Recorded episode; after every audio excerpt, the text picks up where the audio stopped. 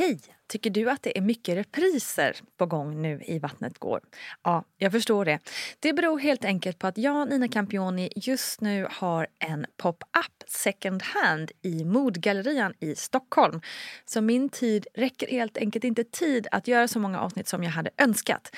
Men tills jag är tillbaka på full tid, kom gärna och hälsa på mig i Modgallerian. Vi ses! Hej, hej, hallå kära lyssnare och välkommen till ännu ett avsnitt av podden Vattnet går där vi fokuserar på graviditet och förlossningar. Tjoho! Jag vill också återigen passa på att tacka för alla fina ord och glada tillrop som kommer både på Instagram och på Facebook om eh, senaste avsnittet. Men också om det nya nyhetsbrevet. Det är så himla roligt att ni är så många som signat upp er och gillar det.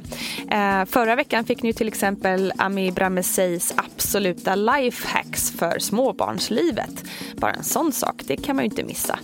Kul att ni är med, verkligen. Det glädjer mig. Eh, och har ni ännu inte signat upp så hittar ni formuläret på Instagram. Men nu till en hett efterlängtad gäst, nämligen det komiska geniet och kvinnan med den vassa illustratörspennan Louise Winblad, a.k.a. Hej Hej Vardag. I många år har hon roat oss, fått oss att bli arga och engagerat oss genom sina smarta och roliga teckningar. Och nu är hon här för att berätta om sina graviditeter och förlossningar. Två har det blivit och en till är på väg väg. Två barn har det blivit och en till är på väg. Spännande värre. Med oss har vi också som vanligt barnmorskan Gudrun Abascal. Nu kör vi!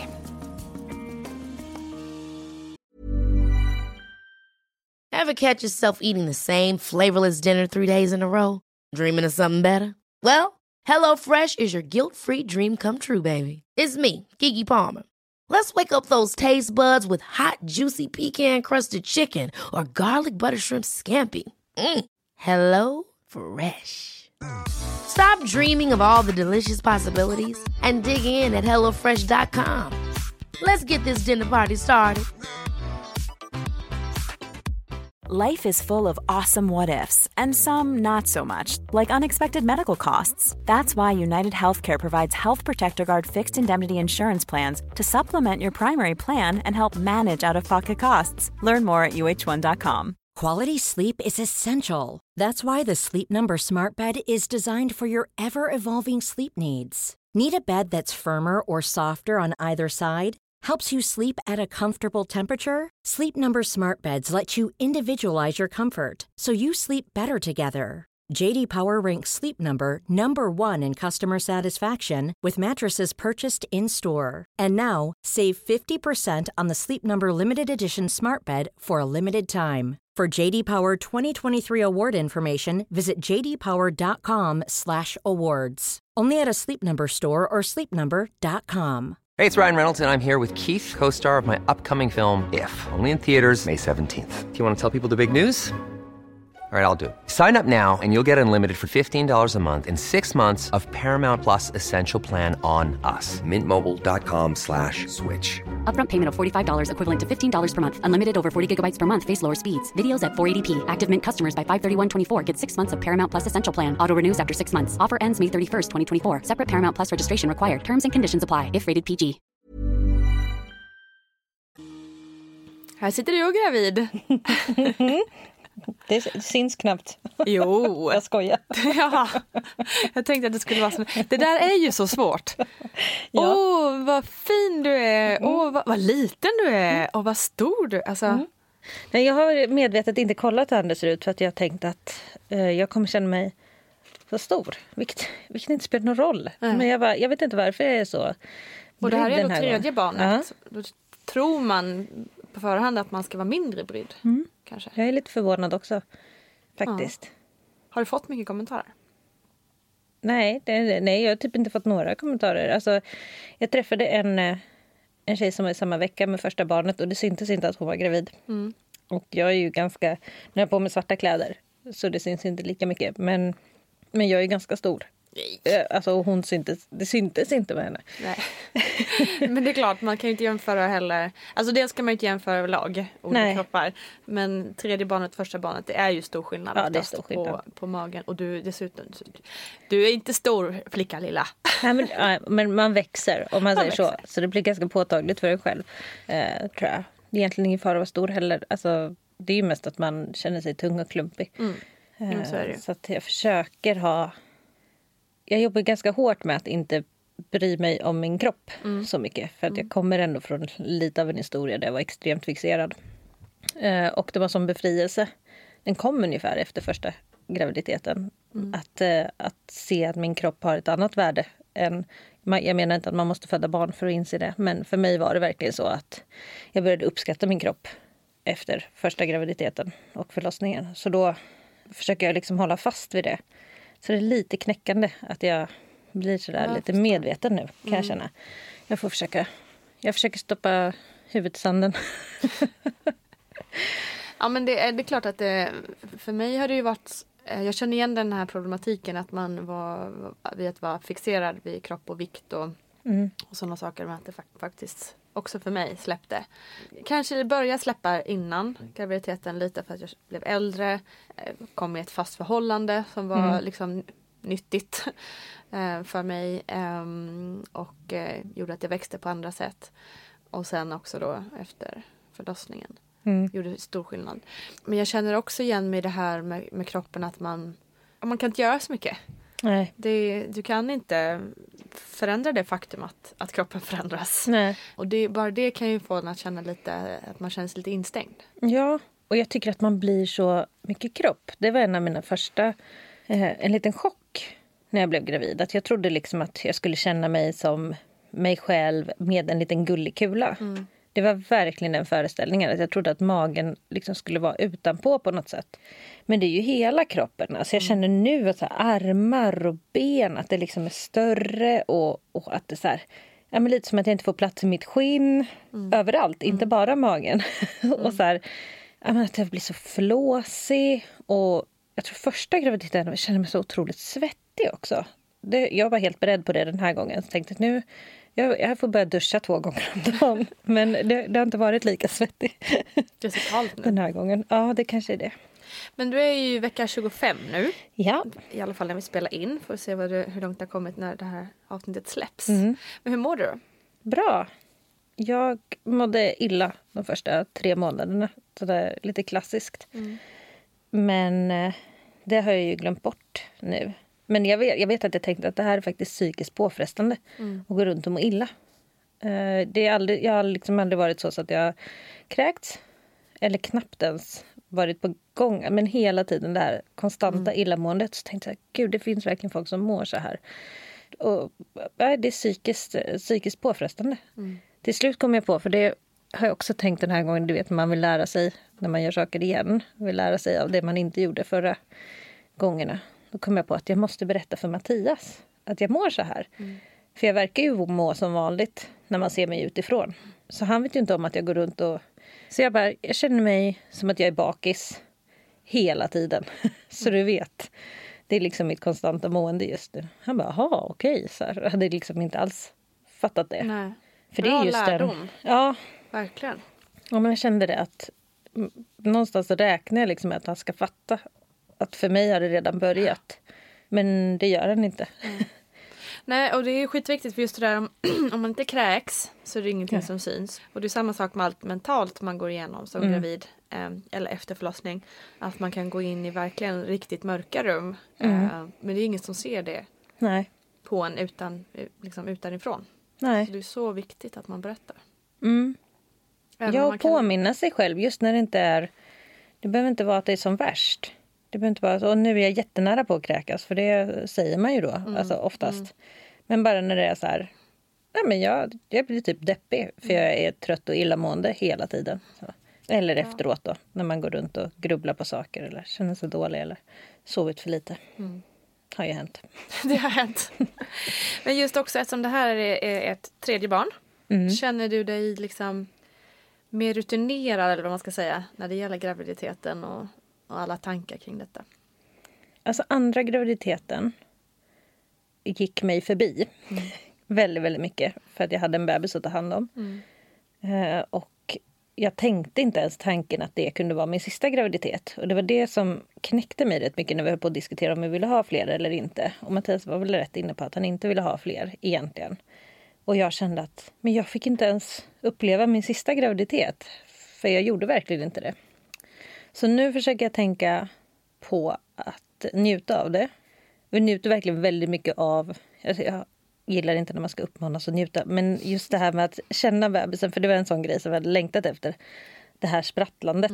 Liksom, att man känner att det är någon som rör sig där inne. Så det är, så här, det är ju magiskt. Åh, gud vad jag blev sugen på det. Nu Ja. kände jag hela kroppen. Ja, det där Det att man bara... Mm, magiskt. något som flyttar sig helt Ja. och hållet. Eller bara så här små, ja, små sparkar eller små krafs. Åh, Alltså, gud! Det var ja. nästan inte obehag, alltså, obehagligt på ett skönt sätt i kroppen nu när jag kände, jag kände längtat efter det. ja. ja, för den grejen hade jag så här... Wow. Ja, så nu försöker jag verkligen hålla fast vid de grejerna. Sen trodde jag att jag skulle vara mycket mer lugn. För jag, verkar, jag är ganska orolig av mig.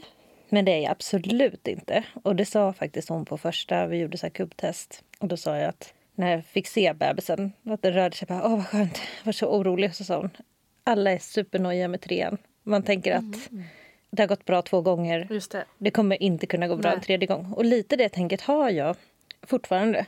Att jag så här, någonting kommer vara fel och så tänker jag att det kommer ju, jag kommer ju absolut inte ha ett lugn i det om det händer, om det blir något fel. Men just nu har jag, det blir liksom en sån här, ja, det kommer vara något, någonting som inte blir som det ska. Och för att det har gått bra två gånger. Och så ja, har men jag, jag typ, som ska ha sån tur att Mm. jag skulle kunna få ett tredje helt problemfritt. Liksom. Ja, och, och i de allra flesta fall så är det ändå så. Att det blir bra en tredje gång. Men ändå så har jag någon typ av... Ja, det är så det kommer vara. Alltså nästan ett lugn i det. Vilket, Du som accepterat sagt, det typ redan innan ja, det hänt. Vilket jag såklart inte kommer... Det är, ju, det är ju inget, man kan ju inte förbereda sig. Så det är ju inte det. Eh, det är egentligen inte riktigt det det handlar om. Det är mer att jag bara förutsätter att det inte riktigt kan gå väl tre, tre gånger. Vilket det ändå gör. Så någonstans har man väl ändå, tänker man väl ändå att det kommer gå bra. Fast man garderar sig. Man tror att man garderar sig.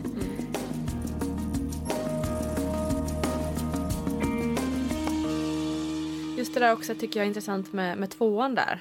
Maja som hon heter. Kom ju ganska, ni kom ganska tätt, Märta och Maja. Ja, Hur, hur planerar ni där och hur tänker ni? Vad heter det? Planera? nej. Ehm, nej, jag eh, märkte att jag hade svårt att stänga byxorna. Och tänkte att det här var ju konstigt. Det går åt fel håll med magen.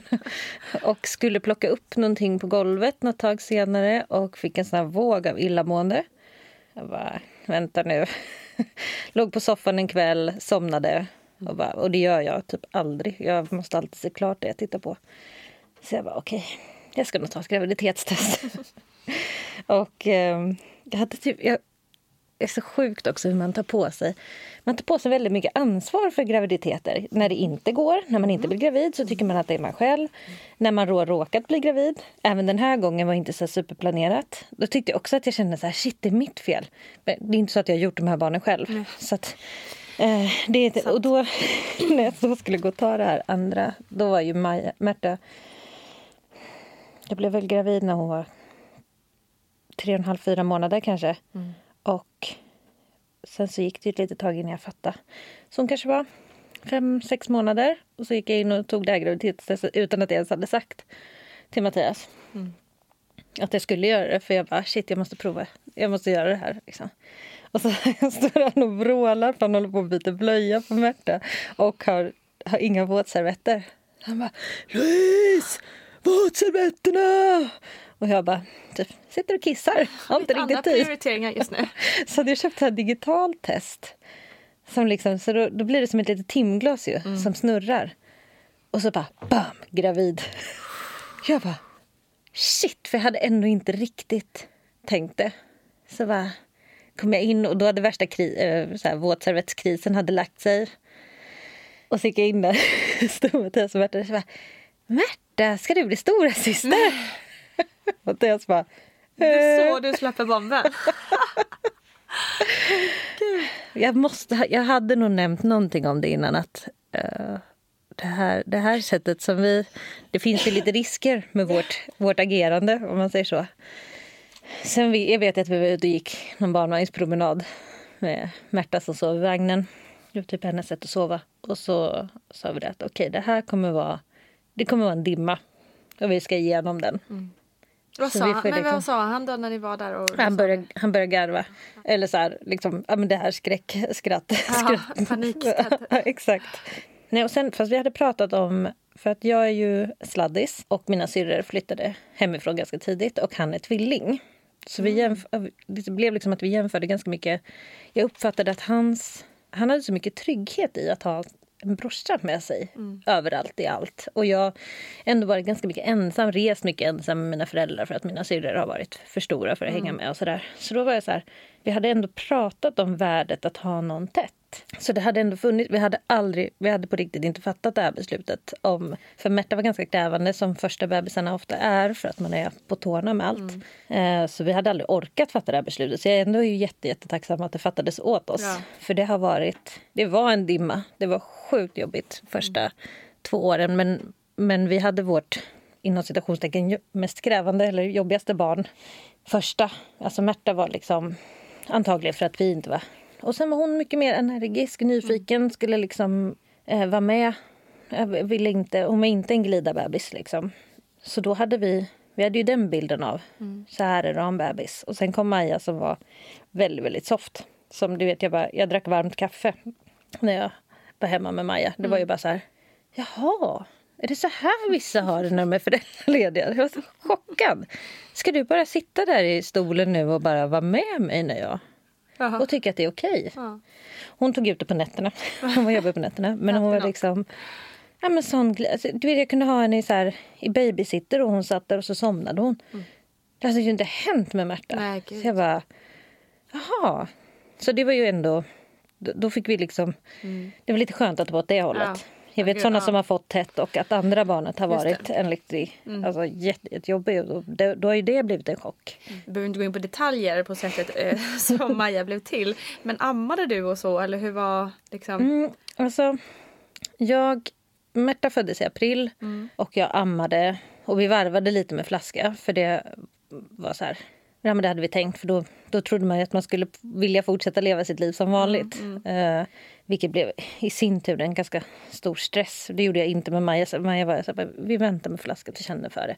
Men uh, så vi varvade lite och jag kände någonting som påminde om ägglossning. Fast då, mm. helt, då, då ammade jag väldigt mycket. Mm. Men det var redan efter någon någon månad tror jag. Mm. Så här, mm, jättefort okay. in Men, och då var jag så här, började äta någon typ av minipiller som jag hade ätit innan.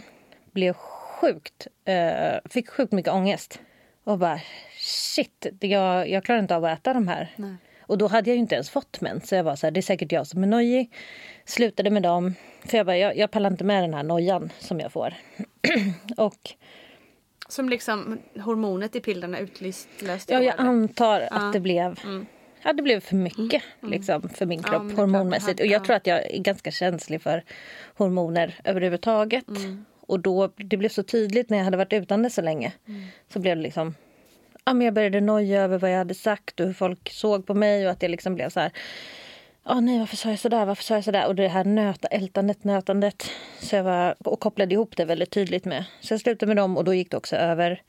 Och sen så fortsatte vi lite som vanligt. Och sen så Sen vet jag att jag sa att vi, så här kan vi nog inte fortsätta om vi inte vill få barn väldigt ja. fort igen. Men då är det för sent. men då, det, det, var också, jag vet att då, det var någon gång då, då, hade vi, då, hade vi, då varvade vi nästan inte med flaska längre för vi tyckte det var så mäckigt. Och så hade Märta blivit så här väldigt, väldigt ledsen på kvällarna och sov, somnade inte lika fort, eh, sov inte lika ordentligt som hon hade gjort. Hon var ändå bra, bra sovbebis så. Men, och då så bara, men ska vi prova en flaska? Och så bara svepte hon den. Mm. Så jag bara, shit hon har varit hungrig. Det är det som har varit problemet. Då insåg jag att jag inte hade så mycket mjölk kvar. Mm. Så jag vet inte vad som var vad. Men eh, sen med, eh, med Maja fick jag tillbaka mensen typ efter en månad också. Fast då heltidsammade jag. Alltså då mm. var det bara amning. Wow. Ja, men man kan väl i alla fall dra lärdomen av att amning inte är ett hundraprocentigt preventivmedel. Nej, Jag har fått väldigt mycket den frågan när jag sagt att jag har fått tätt. De bara, ah, du, du ammade eller? ja. Ja. Ja. ja men herregud. Vi är glada för Märta och Maja och Ja. snart en trea på väg. Då. faktiskt, det, var ändå, det var ändå bra att det blev som det blev. Jag kan säga det nu, alla som har barn tätt och tycker att shit vad det här är jobbigt. Att jädrar vad det blir skönt sen. Det är liksom... Alltså jag behöver ju aldrig leka med mina barn till exempel. Vilket Nej. jag tycker är jättetråkigt. Så det är jätteskönt att slippa. Eh, och de har ju verkligen sån trygghet i varann. Det har ju alla syskon såklart. Jo men jag Eh, kan men verkligen det- förstå vinsten med att ha nära. Eh, mina barn är ju tre år emellan. De har jättekul ihop men det är ändå inte Det är Nej. klart att Essie har mer behov av vissa saker som hon, skulle få, som hon bara får ut av jämngamla. Liksom, Mm. Eller de runt omkring. Så det ja, jag kan verkligen känna det så här efterhand. Nu, det är ju inget man kan ångra eller göra om. Nej. Men det är nog inte helt dumt. Nej, alltså även om det är pallar jobbigt i man... början. Ja, sen läste jag ju massa grejer i början. Alltså här, att få barn tätt och så vidare. Och då stod det ju bara att det ska man inte ha. Eh, För det är så jobbigt för det äldsta barnet och så vidare. Så då slutade jag läsa saker. För jag menar, det var ju, jag var ju redan gravid. Ja. Det var inte direkt Tack ett beslut. Ja, jag, var, jag blev riktigt knäckt där. Sen kom jag på att min mamma har en 11 månader yngre brorsa. Mm. Min pappa har en yngre brorsa som är typ inte riktigt ett och ett halvt år yngre. Mm. Eh, Så de har ju också, det har också varit så här tätt. Och började liksom se såna i min omgivning och kände att det kan faktiskt gå bra. Mm. Men eh, vi pratar ju lite kort bara om graviditeten. Och vad jag har förstått så har du mått eh, ganska bra generellt Mm. i, i alla dina graviditeter. Ja, eh, jag har haft tur. Mm. Ja, men som sagt, lite illamående. Lite, just nu har jag lite ont i svanskotan när jag har suttit ner för mycket. Det är liksom där jag är nu. Jag känner ju kroppen. Alltså det var ju framförallt när man körde rev av två på rad. Så var det ju väldigt så här. Du vet, jag skulle springa till någon buss och kände som att ljumskarna skulle hoppa ur. Typ bara wobblig liksom, hela kroppen. Men eh, hittills väldigt, väldigt tur med. Finns det någonting som har hjälpt när du har mått så illa? Ehm, att e egentligen att äta lite jämnt, lite ofta. Och det är verkligen inte min melodi. Jag äter, då äter jag istället mycket och ofta. Och det var inte heller jättebra. För det är inte skönt att vara så proppmätt när man mår Nej, illa. Så det är väl egentligen ätandet fast det skulle se lite annorlunda ut. Men det är ingen specifik ätande utan bara generellt Jag äta. tror inte det. Nej. Ja, egentligen försöka äta lite mer på schema. Liksom. Så det, man håller det jämnt. Det är nog det egentligen som har funkat. Men jag har inte följt det så värst bra. Men om vi, om vi går tillbaka till din första graviditet. Mm. Hur förberedde du dig för förlossningen? Jag är en sån här person som blir trygg av att veta saker. Så jag plöjde allt. Jag kom åt, jag läste böcker.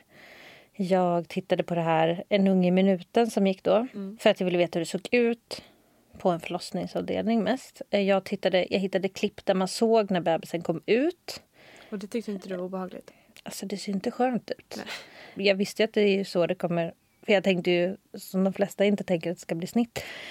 Så jag tänkte att det är så här det kommer se ut. Så då är det bara att kolla på det. Ja, men för mig, det är en sån här trygghetsgrej. Jag vill liksom veta hur kommer, hur kommer barnmorskorna att stå och hur kommer de att vara med? Och liksom, ja, jag ville veta, så jag plöjde allt som gick. Och tipsade senare också en kompis om att kolla på det här en unge minuten var på hon ringde upp mig och typ grät för hon tyckte det var så hemskt. Jag bara okej, alla funkar inte som jag. Förlåt. Um, och vi gick så här profylaxkurs och föräldrakurs. Och, ja, tränade profylax hemma i soffan nästan varje kväll. Wow. Så gulligt, Ja, kan jag känna nu verkligen. i efterhand. Och jag hade så här att Mattias skulle nypa mig. eh, Det där. Man får ju det i någon hemläxa. Och att jag skulle liksom sitta och andas. Sen körde jag aldrig den där ytandningen i alla fall. Den där egentligen som man, man lär sig. Utan det var bara djupandning. För jag hittade liksom inte den där. Den vi hade tränat på mest. Hittade jag aldrig sen. Ja, så jag var en pluggis. Du var en pluggis. Fick du, har du någon hjälp av det då? Tycker du? Ja, det tycker jag. Som jag också nämnde för dig så har jag haft... Alltså har, min, min kropp har funkat under förlossning eh, bra. Den har liksom, jag har haft det på pappret lätt att föda barn. Vilket också gjorde att jag eftersom jag hade läst mig till, för det är det man gör, att man kan lita på sin kropp och den, har liksom, den är förberedd, den är gjord, kvinnor är gjorda för att föda barn. Eh, vilket blir ett jättefall när det inte funkar. Mm. Men eftersom det för mig funkade så blev det en trygghet. Att jag kunde liksom luta mig tillbaka och känna, känna att kroppen skötte det mm. väldigt, väldigt mycket. Och det hade jag nog inte riktigt känt om jag inte hade läst och plöjt allt det här. Jag kände att jag kände igen alla steg. Helt plötsligt så började jag, så kräks väldigt mycket under mina förlossningar. Och så bara när jag började kräkas, jag bara, ah, nu är spinetaggarna. eller vad det heter. Så bara, att jag, ja, men det måste ändå vara positivt för då har de kommit ner långt. Alltså att jag, så här, jag, jag fattade vad som hände. Mm. Vilket var en trygghet för mig då. Att jag, vissa vill ju inte alls veta. Nej, precis. Så det tyckte jag, ja, jag tyckte att, och jag har faktiskt tänkt att jag borde gå in i mer plugg, plugg-mode nu. För att jag tror att jag behöver stärka upp det där igen. Mm. Känner du oro nu? Jag måste påminna mig själv om att jag inte behöver vara så orolig. Det är det jag känner. Jag är nog mer orolig att jag ska bli orolig. Mm. För andra förlossningen så åkte vi in eh, väldigt tidigt. För jag har aldrig haft så superjämna verkar.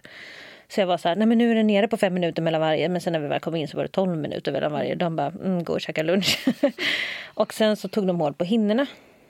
Och när de gjorde det så tog det typ 45-50 minuter innan Maja var ute. Mm. Och det gick liksom från, eh, från 12 minuter mellan verkarna mm.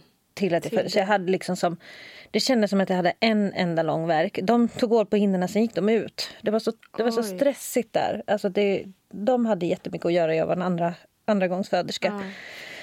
Och de tänkte väl att vi tar hål på hinnorna så får det komma igång. Mm, det. Och det gjorde det. Mm. Jätte, jättemycket. Så jag hade som en enda lång verk. Och sen så, och, och jag, som jag, sa, jag, bara, jag kräktes och det bara så här, hade kommit massa vatten. Vattnet hade ju gått och liksom jag kände mig, jag var som en fontän och det var ett kaos.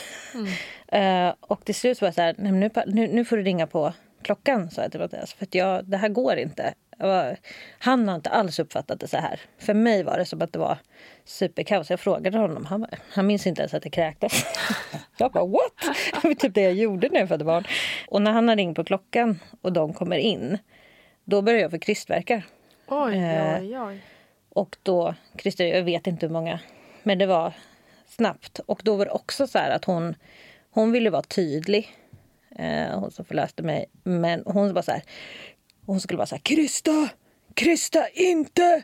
Mm. Hon liksom körde den här och jag var så här, sa hon inte eller sa hon Krista? Mm. Och liksom, mm. jag bara, gud hon, hon låter så... Jag håller på att spricka, tänkte jag så här. Jag håller på att liksom spricka hela vägen för hon var så eh, militärisk. Mm. och i och med det här kaoset som hade varit innan. Så att den gången, det gick bra. Liksom, Maja kom ut och det var inget, inget konstigt. Men jag var så, där, där blev jag lite chockad. Uh, och vi, vi, hade inte, jag hade inte riktigt förberett mig. Jag hade inte förberett mig. Vi hade inte tränat profylax en enda gång inför andra. För det var ju så kort sen, mm. tid sen. Så vi, och, och, vi hade bebis. Så vi, vi gjorde liksom ingen förberedelse. Och jag tror att jag behöver det. Mm. Men räknas det, i och med att det gick så fort, 45 minuter, räknas det som en så, här så kallad störtförlossning? Vet du det? Jag har ingen aning. Vi frågar Gudrun. Mm. Ever catch yourself eating the same flavorless dinner three days in a row? Dreaming of something better? Well, HelloFresh is your guilt-free dream come true, baby. It's me, Gigi Palmer. Let's wake up those taste buds with hot, juicy pecan-crusted chicken or garlic butter shrimp scampi. Mm. Hello Fresh. Stop dreaming of all the delicious possibilities and dig in at HelloFresh.com. Let's get this dinner party started. A lot can happen in three years, like a chatbot may be your new best friend. But what won't change? Needing health insurance. United Healthcare Tri Term Medical Plans, underwritten by Golden Rule Insurance Company, offer flexible, budget friendly coverage that lasts nearly three years in some states. Learn more at uh1.com. This is Paige, the co host of Giggly Squad, and I want to tell you about a company that I've been loving Olive and June. Olive and June gives you everything that you need for a salon quality manicure in one box. And if you break it down, it really comes out to $2 a manicure, which is absolutely insane. It's also so easy to get salon worthy nails at home with Olive and June. The difference between how your nails used to look when you did them yourself and now with the Manny system is a complete game changer. The best thing about Olive and June too is it's a quick dry, dries in about one minute, lasts for five days, and full coverage in up to one to two coats. Visit oliveandjune.com slash perfectmanny20 for 20% off your first system. That's oliveandjune.com slash perfectmanny20 for 20% off your first system. Quality sleep is essential. That's why the Sleep Number Smart Bed is designed for your ever evolving sleep needs. Need a bed that's firmer or softer on either side? Helps you sleep at a comfortable temperature? Sleep Number Smart Beds let you individualize your comfort so you sleep better together. JD Power ranks Sleep Number number 1 in customer satisfaction with mattresses purchased in-store. And now, save 50% on the Sleep Number limited edition Smart Bed for a limited time. For JD Power 2023 award information, visit jdpower.com/awards. Only at a Sleep Number store or sleepnumber.com. Hey Dave. Yeah, Randy. Since we founded Bombus, we've always said our socks, underwear, and t-shirts are super soft. Any new ideas? Maybe sublimely soft. Or disgustingly cozy. Wait, what? I got it. Bombus. Absurdly comfortable essentials for yourself and for those facing homelessness. Because one purchased equals one donated. Wow, did we just write an ad? Yes. Bombas. Big comfort for everyone. Go to bombas.com slash ACAST and use code ACAST for 20% off your first purchase. Vad är en så kallad störtförlossning? Det är en störtförlossning som vi definierar det är att från första verken tills barnet är fött så har, har barnet fötts på en timme. Inget bra kan jag säga. De kvinnorna är ju väldigt oroliga om sig att för nästa, när nästa barn ska födas och det kan man ju förstå. När ska jag åka in och hur går det? Och känslan att det är som att springa in i kaklet. Alltså man har tappat den här förmågan att känna var befinner jag mig någonstans? Var är jag? Vad händer? Så att det är ingenting som jag undrar någon. För många tror ju att ju snabbare det går desto bättre är det. Och det är absolut inte min erfarenhet som barnmorska att kvinnor tycker det.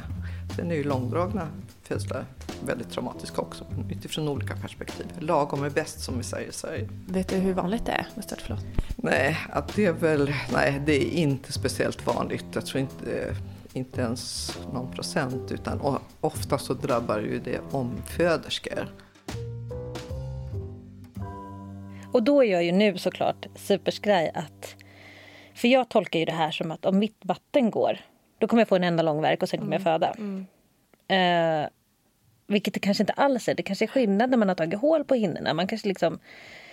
Eh, Ja, och det är dessutom skillnad på förlossningar och förlossningar oavsett. Ja. Liksom. Ja. Nej, men så jag var ju så här, jag har ju sagt till Mattias att om vattnet går och vi är hemma då kastar vi oss ut ur bilen och kör in. Mm. så här, det får liksom, för då kanske jag föder Mm. eh, lagom tills vi kommer in. Mm. Alltså jag har den här, den är en liten stress. Det är en kort time frame liksom att, Ja. att ha. Mm. Nu har det inte varit så att mina förlossningar satt igång med att vattnet har gått. Utan, men det kan det ju också. Alltså, det det är verkligen Mm. olika. Ja, så det är en sån där... Men jag tänker att därför så måste jag, för att inte få panik. Mm. Jag är rädd att jag ska koppla det med den där panikkänslan jag fick ändå Mm. när allt bara öste på. Så tänker jag att jag den här gången ska jag förbereda mig. Så jag istället kan försöka hitta någon typ av lugn i att okej, nu har det satt igång, nu ska vi dra. Mm. Att det liksom... För så var jag första gången. Rätt den första. Ja, men då var jag ju rätt cool. Mattias tänkte åka till jobbet och jag bara på morgonen hade jag haft verkar hela natten men ändå kunnat sova emellan sådär. Och eh, han bara, jag funderar, ska jag dra in till jobbet? Jag bara, Nej, det ska du inte. du ska inte jobba idag. Nej, okej. Sen var vi hemma jättelänge. Så här, försökte äta. Sen blödde man ju. Det visste inte jag heller. Alltså började blöda liksom. Typ lite så här som mens. Ja, men det är helt normalt. Hade jag inte haft en aning om. Trots Nej. att jag hade pluggat så mycket. Så jag trodde ja, att precis. Du hade missat Ja. den ändå. Ja. Så jag bara, det är något fel, det blöder. Nej men det är normalt. Bara, okej. Men det är ju också lite konstigt för just det här med blödning har jag faktiskt också tänkt på. Att det har man ju hört hela graviditeten egentligen. Att blödningar, ja det kan komma men det är bäst att du kollar upp det för att det kan Mm. Ja. vara bla bla bla bla. Så att det sen blöder liksom Mm. överhuvudtaget. Det är ju liksom, det är klart att man får panik av det. Ja, Det och gick- att, dessutom, att det blöder efter. Det hade jag inte heller fattat förrän min kompis typ ett år innan hade fått barn. Det var så här, Jaha, blöt man efter förlossning? Alltså, det var också så konstigt att det liksom inte hade nått fram. Det är ingen som vill prata med, om blod Nej, enkelt. nej tydligen inte. Det vill folk sällan göra. I alla fall inte om det kommer från snippan. Får gärna vara i, Exakt. i actionfilmer. Får det gärna vara med. Ja. Om, det är, om det är mord och sånt, då är det okej blod. Då är det okej att blöda hur mycket som helst. Mm, men inte om det, om det är någon typ av Inget mån- kvinnligt blod Nej, genom inget mellan kvinnligt. benen. Det är usch och Nej. fy och blä. Nej. Ja. Ja, men så blödde då- lite där. Ja, men så, så liksom... Det var det här, jag- tyckte att den var vältajmad, min första förlossning. För då var det så här... Men vi gick hemma och tog verkar och, sen så, och så hade man ju hört att man skulle vänta till det var tre minuter mellan varje. Och jag bara, fan, fyra minuter fortfarande. Så här, och försökte liksom klocka de där. Och sen när jag började känna, nej men nu, nu är jag trött på det här. Nu orkar inte jag gå här hemma med de här verkarna. Då, då kom vi precis ner under tre minuter. Så jag bara yes, vi får åka in. Ja, så då ringde vi, tog taxin in. Och så kom vi in och då var det lite så här, hur, hur tänker du med bedövning och sådana grejer? Jag bara, ja men jag tänker att vi kör på utan och sen så om, det, om ni känner att det behövs sen eller om jag känner att det behövs så tar vi det då. Ja men då blir de jätteglada. Jag bara, ja vad bra. Blev de jätteglada. det känns som att de alltid... iväg i galopp bara "Woho!" Det känns som att man alltid blir så glad om man säger att man inte vill ha bedövning. Vilket är så här, ah, det är också den här eh, klassiskt så här, att vad, vad som är duktigt och inte. Så jag är ju typ, jag pratar ju typ inte om det. Att jag inte har tagit bedövning för att jag Ja, tänker men att... Gjorde du inte det? Nej. Ah, du är så duktig. Ja, Skoj. det är för Du är duktig min överlag, kropp är gjord för att föda barn. det är därför. Nej, eh, eh, Nej, men det är, Drog en del, All sån ehm, prestige måste vi ju bara Ja men verkligen. bort. Mm. verkligen. Ehm, nej men jag drog en del lustgas eh, fram tills jag började kräkas då. Har jag sagt det i den här podden förut? Eh, för då kunde jag inte ta mer lustgas. Men det var bra för då hann jag nyktra till tills uh, Märta kom ut. Men, eh, nej, men då var det också sådär att den, eh, ja, men den var där inne, det kändes rätt okej. Jag hade en kompis som hade sagt att Ja, du behöver i alla fall inte köra några sterila kvaddlar för det är helt värdelöst. Så när jag låg där och hade så ont så bara, ja, vill du prova så sterila kvaddlar? Ja visst, kör på. så, så det gjorde jag. Eh, de det hjälpte ju inte alls. Nej, det inte det. det sved lite och det var ändå så här, jo, ja men kanske, ja, ja det kanske hjälper. Jag vet inte. Nu kanske det hjälpte. Nu. Nej. Jag så var det, för jag fick också en pilatesboll. Så bara, vill du prova att sitta på pilatesboll? Jag bara, ja absolut. Så satt jag med det. Men det här var ju skönt. Så här, här kan jag sitta tills det kommer värk. Jag bara, nej jag vill inte sitta här mer. Så la jag mig i fosterställning där nere där man har fötterna på den här sängen. Liksom. Så låg jag där i fosterställning och tog emot verkarna. Alltså jag var verkligen i en egen liten bubbla. Och så till slut så bara, vet du nu, nu tycker jag att du ska flytta upp här lite på sängen. Så jag tror att det, nu börjar det nog liksom närma sig. För då kände jag också så här, kom jag till nästa gräns att nej, nu orkar inte jag med de här verkarna mer. Och jag, alltså, jag har tänker du på gått, dem. Har du haft en hel natt och sen gått? Hur, var klockan liksom? Var det in på kvällen eller? Ja, vi åkte in på, vi åkte in på eftermiddagen tror jag. Nej, vi åkte in på kvällen. Förlåt, nu är jag så sån här. Var det onsdag? Nej, torsdag. Ja. Jag vet att vi var inne på BB i fyra timmar. Ja. Det är det enda jag vet. Sen kommer jag inte riktigt ihåg. Och hon kom på natten. Precis innan tolv. Så det här måste ju varit på kvällen någon gång. Och då kände jag... Då tänk, jag har tänkt på det efterhand. Att de här som har så här riktigt utdragna förlossningar. Vid det tillfället när jag kände nu orkar inte jag mer.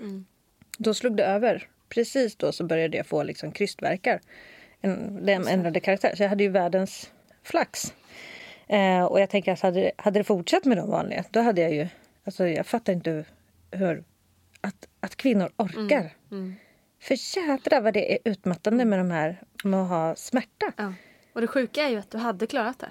Alltså du Ja. det. Man tror ju så här, nej jag alltså, hade jag hållit på två timmar till, jag hade inte klarat det. Nej. Men du, Nej, så känner du säkert alla. Du hade ju gjort det- det. Ja. För att du är kvinna Ja. och starkare än någon annan. Ja, men jag var ju lite så här dval. Ja, jag frågade Mattias efteråt för jag har ju en bild av... Det var så lugn stämning jämfört då med min andra där, där det inte var så lugnt. Det var så otroligt lugnt. Och, jag tänk, och, och första gången, de var ju med hela tiden. Hade jag, jag hade en bild av att mina barnmorskor var där inne. eh, Barnmorskan och hon, sjuksköterskan, att de var där hela tiden. Det var de ju säkert inte. Men jag sa också till Mattias, satt hon och läste en tidning på stolen där nere? Han bara, nej, det gjorde hon inte. För i mitt huvud, jag har en så tydlig bild av att hon, hon sitter och bläddrar i något så här magasin och jag ligger och verkar. Jag måste, det måste vara någon så här eh, lustgasdröm jag fick. Ja, man vet ju hur det är på BB, de har ju så lite att göra. Det är så lugnt. Vilket hån! Nej, sitter här och bläddrar en L bara. Kolla lite, sina trender. Det var ändå så fint minne jag hade. För jag tyckte det var så Låter harmoniskt. otroligt, här, liksom. verkligen. Låter som att du födde barn på ett spa. Ja, ja, det kändes Eller lite så, så, som där. det borde vara kanske. Nej, och sen så sa hon att... För jag bara, har de gått härifrån? Vaknade upp någon gång i mitt lilla dvala. Bara, Nej, vi är här. Du, det går så bra. Du tar verkarna som du ska. Liksom. Jag bara, ah, okej. Ehm, ja, och sen så... Och det, det är också en sån här grej jag kommer ihåg. Så sa hon så här. Då får vi se om hon kommer 4 eller 5 april. Och då var klockan typ kanske så här 20 över 11. Så det skulle ju jättesnart vara 5 april. Och då var jag så här, va? Kan hon komma fjärde? Det betyder att jag kan ha, eller hon visste vi inte då, men kan bebisen, kan den komma innan 12? Det betyder att jag har typ, jag kanske har, ja, det var så, det var den första tids, liksom signalen jag fick om Mm. hu- hur vi låg till. För man har ingen aning. Man tror att man ska hålla på. Efter ett tag så tänker man jag kommer hålla på så här i två veckor. Exakt. och ligga och, och, och krysta. Och det grejen är att att min farmor är född den 4 april. Så när jag fick höra att hon kunde komma fjärde, för jag hade redan gett upp den tanken. Mm. Ja, man kommer ju komma femte. Så bara, gud vad häftigt. Och så kom hon, typ, det här, man ska ju kunna klockslagen, men jag tror hon kom kvart i. Men, ja, Ja, hon, kvart i tolv. han kommer innan. Så då blev hon exakt 91 år yngre än min farmor. Ja, gud vad fint. Mm.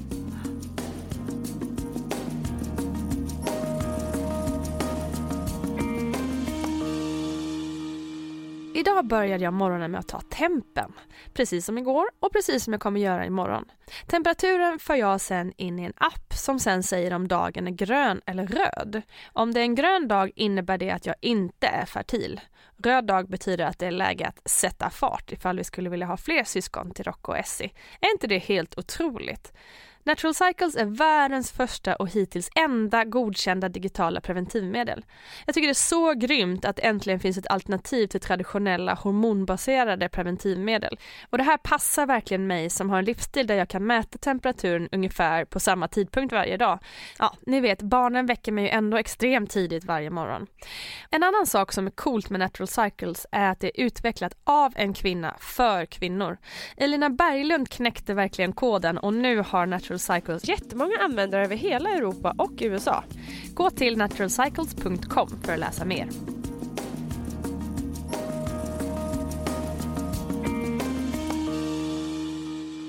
Men eh, och, och, liksom, vad jag har förstått på dig så här efterhand så, så var det ganska odramatiskt.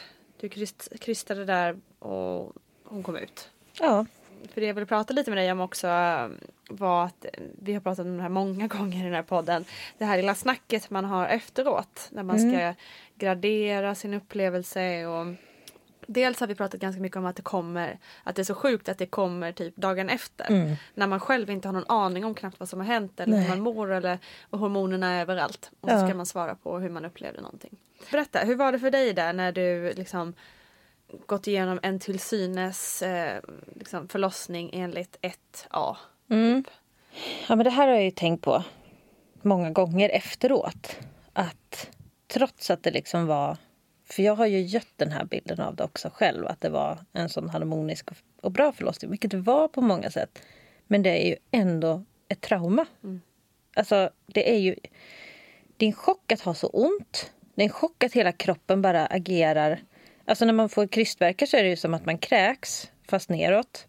Och, eh, och det har man ju ingen kontroll. När man kräks, det bara kommer ju. Och den grejen, att, och det är ju ofta det man tycker är obehagligt med att kräkas. Att det liksom bara, kroppen bara gör de här grejerna själv.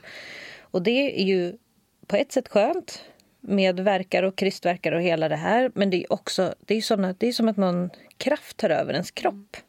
Eh, och det är ju, det har man ju inte varit med om någon gång. Alltså det är ju, det är ju en chock på något sätt. Och den här smärtan som ändå lär sig att bejaka och liksom går och längtar efter på slutet för att man bara ger mig den här smärtan så jag kan få ut mitt barn. Den är ju också eh, chock på något sätt. Att det, ja, det är ju det är ju något litet trauma för kroppen. Liksom, som man går Plus igenom. det hela, alltså att man har blivit förälder plötsligt. Ja, också. ja. Man den lilla detaljen. Ursäkta. Eh, ansvaret. Ja. Vad, ska, vad ska jag se till att det här barnet lever nu? Shit, det Som kommer jag ju aldrig klara. Men precis, som ofta kan ge liksom chock och känslor som man inte själv förstår. Varför jag känner så här och man kanske inte ens fattar att det är därför man... Nej, och precis efter så kände jag mig som superwoman. Mm. Alltså jag, så här, jag vet att jag gick och duschade och Mattias låg kvar med Märta. Och jag bara så här, ja men det här kan jag göra igen. Jag känner mig så otroligt stark. Och sen kommer ju det här andra och smyger sig på att liksom, "Va, vad är det man har gått igenom egentligen? Och, men så då när hon, hon kom in där dagen efter och skulle prata så sa ju hon, tittade hon i pappren och så sa Åh, du har ju en sån här eh, mönsterförlossning. Ja, jaha, ja. Okej, du får vara en sån här som går runt och berättar om bra förlossning. För det är så många som går runt och berättar om, om sina dåliga och, och liksom jobbiga förlossningar. Så du får vara en sån här som går runt och berättar om din bra förlossning. Okej, så jag. Så bara, Hon satte hur betyget åt dig kan Ja. man säga. Hon menade väl inget med det. Det var väl på många sätt snällt. Men Ja, det, det gjorde också att välmenat, jag styrde ju min, min upplevelse ganska mycket efter det sen. Mm. Eh, För det var ju det som jag gick runt och tänkte. Bara de här, att jag kommer ihåg de här harmoniska ögonblicken. Fokuserade väldigt mycket på dem. Jag tycker att det är lite dumt också, för då ska man behöva välja. Var det en jobbig förlossning eller var den fin och harmonisk? Ja, det var det. Det var jättejobbigt och det var lätt traumatiskt och det var superhäftigt och harmoniskt. Alltså det var verkligen allting. Eh, på pappret ser det ut som att det bara var lätt och harmoniskt men jag har fortfarande klämt ut ett barn genom det alldeles för lilla hålet och eh, fått de här verkarna och haft den här kraften som har tagit över min kropp. Ja, jag tycker att ja, det har varit alltihop. Det, måste, det måste få vara det också, eh, kan jag känna. Att man inte ska välja så här, har det varit en mardrömsförlossning eller en drömförlossning? Ja, det har det. Och att man också ska kunna få räkna ihop det. Alltså att, återigen det här ehm, att man inom sjukvården så gärna bara tittar på det fysiska. Liksom. Mm. Det, har, och det har ju gått superbra. Hela förloppet var ju toppen. Mm. Ingen har spruckit, ingen har bla bla bla bla bla och Mm. inga komplikationer. Nej, men hur, mår- hur, hur, hur gick det med känslohjärtat? Ja. Hur gick det med huvudet? Liksom? Hur, hur, hur mår du egentligen? Ja, men exakt. Och också förvirrande eftersom jag känner mig så otroligt stark efteråt. Och, sen, och, och sen när man har känt det, då känns det som att ja, nu, nu har jag liksom lite valt den här vägen. Sen var jag ju, det, men det kanske hör ihop lite, men jag var ju otroligt orolig förälder första tiden. Jag, var ju, jag, kommer ihåg att jag skulle ta ut vagnen och liksom gå ner för de här små trapporna innan porten. Alltså det var, det, det var så läskigt. Jag var så rädd.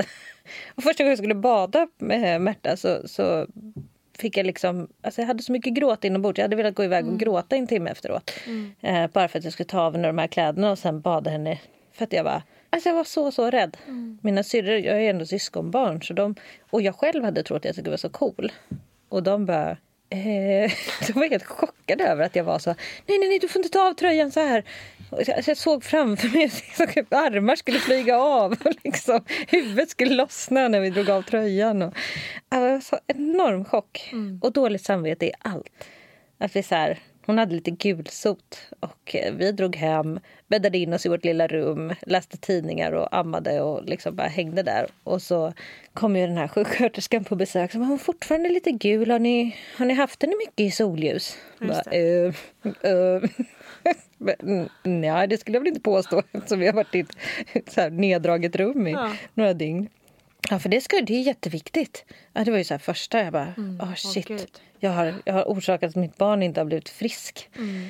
Ja, och, så, och så vidare i evighet. Slutade Det någonsin liksom- undrar man ju. Till slut fick jag börja tänka, kommer hon dö av det här? Just det. Och bara, nej. Varför får vissa barn gulsot? Gulsot får barn därför att inne i, när barnet då är i livmodern så syresätts ju barnet via mamman och moderkakan. Så att säga. Mamman andas och syret går över eh, till moderkakan som sen transporterar syret till barnet. Och därför så, så måste barnet ha en ökad mängd röda blodkroppar eftersom du får syret i andra hand. Sen när barnet föds fram då andas ju barnet av sig själv och då behöver barnet inte ha så mycket röda blodkroppar och då bryter lever ner de här eh, för många antal röda blodkroppar och då bildas det, det här bilirubinet som gör att barnet blir gult. Sedan så kan också barn få den här mer farliga gulsoten beroende på blodgrupp och så vidare. Om, om eh, kvinnan är RO-negativt och barnet är RO-positivt. Det är ju därför man tar då blodprov och testar alla kvinnor idag som är RO-negativa för att se att barnet är är barnet positivt eller att man ger då också en spruta under graviditeten som motverkar det här så att säga. Sen har vi också någonting som kallas AB0 immunisering där om man har en blodgrupp och barnet en annan så kan det uppstå men den är inte lika farlig som den här första eh, gulsoten som vi pratade om. Det här är nog det avsnittet vi hoppat mest i tids, tids, tidslinjen tror jag. Det kan bero på din, den du poddar med som hoppar fram och tillbaks. Vi pekar inga fingrar här. Men, Eh, Men, men du sitter ändå här och pekar nu känner jag. nej men jag tänkte på, du blev ju gravid här då, ganska snart efter ju. Mm. Eh, hur var det? Vi har egentligen inte pratat så mycket om hur det var att vara gravid med en liten bebis samtidigt. Det gick ju fort, den graviditeten. Vi, jag fick reda på att jag var gravid och gjorde, fick liksom gå till, vi gick till barnmorskan och vi försökte göra någon typ av uppskattning. Bara Hur gammalt kan barnet vara? Så, bara, Vi måste göra ett sånt, eh, ultra, för jag ville göra kubbtest och då, då måste vi ju se till att det hamnar rätt i tiden. Så vi sa att ja, du får göra ett eh, ultraljud för att kolla hur stor bebisen är, vilken vecka du är i och vad det nu heter. Och då uppskattade vi att det kanske var vecka nio. Någonting. Och så kom jag dit, hade fått order om att inte kissa. Då i alla fall så kollade hon och bara, nej men det här är ingen nio veckors bebis. Den här är ju 11-12 veckor. Aha, okej, skönt. Har man betat av den där oroliga Ja, perioden. precis. Så att jag, jag började med graviditeten i vecka 11 kan man säga. Ehm, ja, det var skönt. För en orolig själ. Och sen så är det typ klipp till förlossning. För att det var... Jag hade inget fokus på, Nej, på graviditeten alls faktiskt. Och det var så här, jag menar första barnet, hade Mattias hade varit med på alla träffar och nu var det så här, oj men gud det här gjorde vi ju nyss. Ska vi göra det här en gång till? Alltså, eh, det behövs ju inte. Vi kan, alltså, att man bara så här, så den, och så plus fullt upp då med en bebis. Så när, jag- det var ju jätteroligt när jag kom tillbaka till jobbet. Jag jobbade på skola då. Det hade, jag hade gått därifrån hade jag varit höggravid. Så när jag kom tillbaka var jag höggravid. Såg jag höggravid ut i alla fall, även om det var tre månader kvar. Så då var jag så här, jag fick verkligen frågan, men gud har inte du fött den? Nej, jag är en elefant. Eh. Men hur var det, liksom, hur var just det här omvärldens reaktioner på det här med Förutom då att det enligt böckerna inte fanns några fördelar med, med Nej. Ehm, nej men många ville ju, eller många ska jag faktiskt inte säga, jag är relativt förskonad med kommentarer. Men man vet ju att det kan ju räcka med en kommentar eh, också. Så att det känns ju ofta som man blir attackerad. Men det var mycket, oj vad du ska ha tätt. Eh, och då hade jag läst någon, hade läst någon förlossningsbok av något slag. Och där det stod att alla de här kommentarerna man får om olika saker. Så här, hennes bästa tips var att bara så här, le och säga jaha. Och det, ja, jag tyckte det, alltså det har burit med mig så, så länge. Och ska fortsätta ha det nu i tanken. För att då när folk sa det, jag vet framförallt det var en på, på skolan då, så ställdes du ska ha väldigt, väldigt tätt. Ja, sa jag. Ja, ja. Och log. Det är väldigt, väldigt tätt. Ja, sa jag och log. Eh, inte jag bestämde mig för att jag ska inte ursäkta något. Jag ska inte säga att oj, nej, det här var inte meningen och nu är det, ja, nu får vi minsann stå för det här. Utan jag bara så här, ja, det, så är det. Och det var väldigt skönt för då är det liksom inget... Så, Så fort man... bra. Ja, för så fort man liksom visar lite svaghet då är det som att... Då ska det bara, ja, Exakt, vi göttar oss lite med det. ja, hur Det tänkte där ni nu? känns som att det kan funka på väldigt många situationer. Ja. För det flytt- flyttar ju tillbaka fokus, speciellt kanske också om man säger jaha, ja. Mm. Liksom flytta tillbaka fokus tillbaka till den som ställer påståendet. Mm. Vill du säga något mer om det? Eller kan vi gå vidare? Exakt. Skitbra. Ja, det var faktiskt någon som skrev det Superråd. också när jag diskuterade amning och flaskmatning på, på bloggen. Att det var Mm. någon som skrev att man ska inte heller ge syre åt det där kommentarerna. Utan bara säg så här, ja. Och det var exakt det. Jag bara, då blev jag lite påmind om den här Mm. grejen igen. Att, Ja, det är rätt. Det är rätt bra att inte öppna upp för någon. Det här är ingen Exakt. diskussion. Jag vet det här. Jag, är vet att jag ska gravid. ha Jag är tätt. medveten. Ja, Ja. det är liksom ingen överraskning. Det är Precis. som när folk ska säga oj vad du är stor. Jo, Mm. alltså jag umgås ju med mig själv hela dagarna. Jag är fullt medveten om hur min kropp ser ut. Mm. Det, är liksom, det är ingen som behöver upplysa mig om Nej. det. Så det är så här, det är bara jaha. Så bra. Mm. Herregud. Det är... ehm, ja, nu eftersom vi har hoppat så mycket så är jag typ så här, har vi, har vi gått igenom allt här nu? Vi har ju gått igenom båda dina förlossningar, Mm. graviditeterna och nu eh, ska du snart, eller snart, men det är ett litet, några veckor kvar. Det går väldigt fort nu. Det går fort. Med trean måste jag Mm. säga. En evighetslång eh, graviditet med första. Mm. Och den här är ändå misstänkt sen ganska tidigt. Eh, men ändå känns det som att det gått jättefort. Och fortare kommer säkert gå nu på Ja. slutet.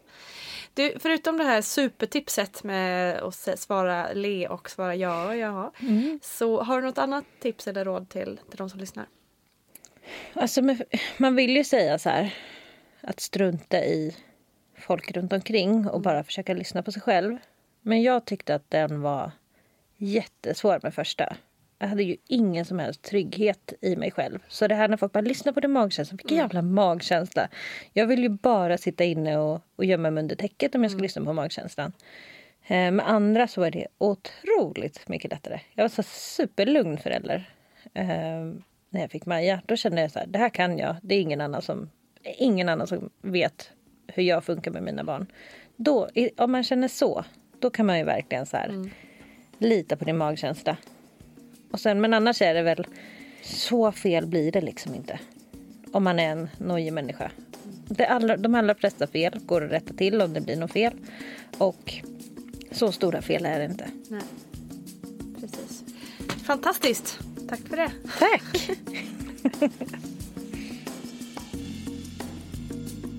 Tusen, tusen tack underbara Louise Winblad för din tid och din berättelse. Det blir aldrig en tråkig sekund med dig helt enkelt.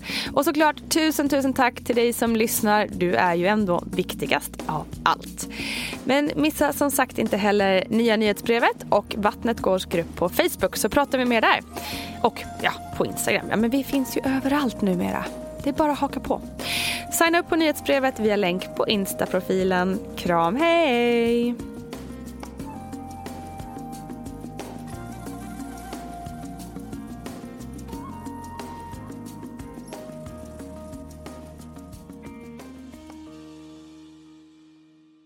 Den här podcasten är producerad av Perfect Day Media.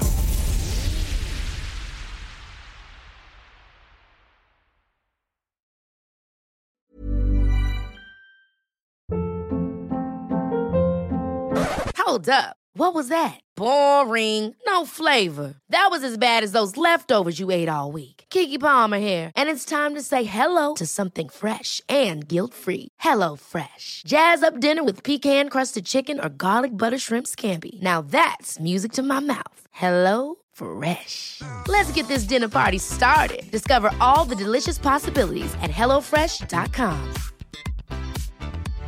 Imagine the softest sheets you've ever felt. Now imagine them getting even softer over time. That's what you'll feel with Bowl and Branch's organic cotton sheets. In a recent customer survey, 96% replied that Bowl and Branch sheets get softer with every wash. Start getting your best night's sleep in these sheets that get softer and softer for years to come. Try their sheets with a 30-night guarantee. Plus, get 15% off your first order at bowlandbranch.com. Code BUTTERY. Exclusions apply. See site for details. Hi, I'm Daniel, founder of Pretty Litter. Did you know cats tend to hide symptoms of sickness and pain? I learned this the hard way after losing my cat, Gingy. So I created Pretty Litter, a health monitoring litter that helps detect early signs of illness by changing colors, saving you money and potentially your cat's life. Pretty Litter is veterinarian developed, and it's the easiest way to keep tabs on your fur baby's health right at home. Go to prettylitter.com and use code ACAST for 20% off your first order and a free cat toy. Terms and conditions apply. See site for details. Planning for your next trip? Elevate your travel style with Quince. Quince has all the jet setting essentials you'll want for your next getaway, like European linen, premium luggage options, buttery soft Italian leather bags, and so much more. And is all priced at 50 to 80% less than similar brands. Plus, Quince only works with factories that use safe and ethical manufacturing practices. Pack your bags with high-quality essentials you'll be wearing for vacations to come with Quince. Go to quince.com/pack for free shipping and 365-day returns.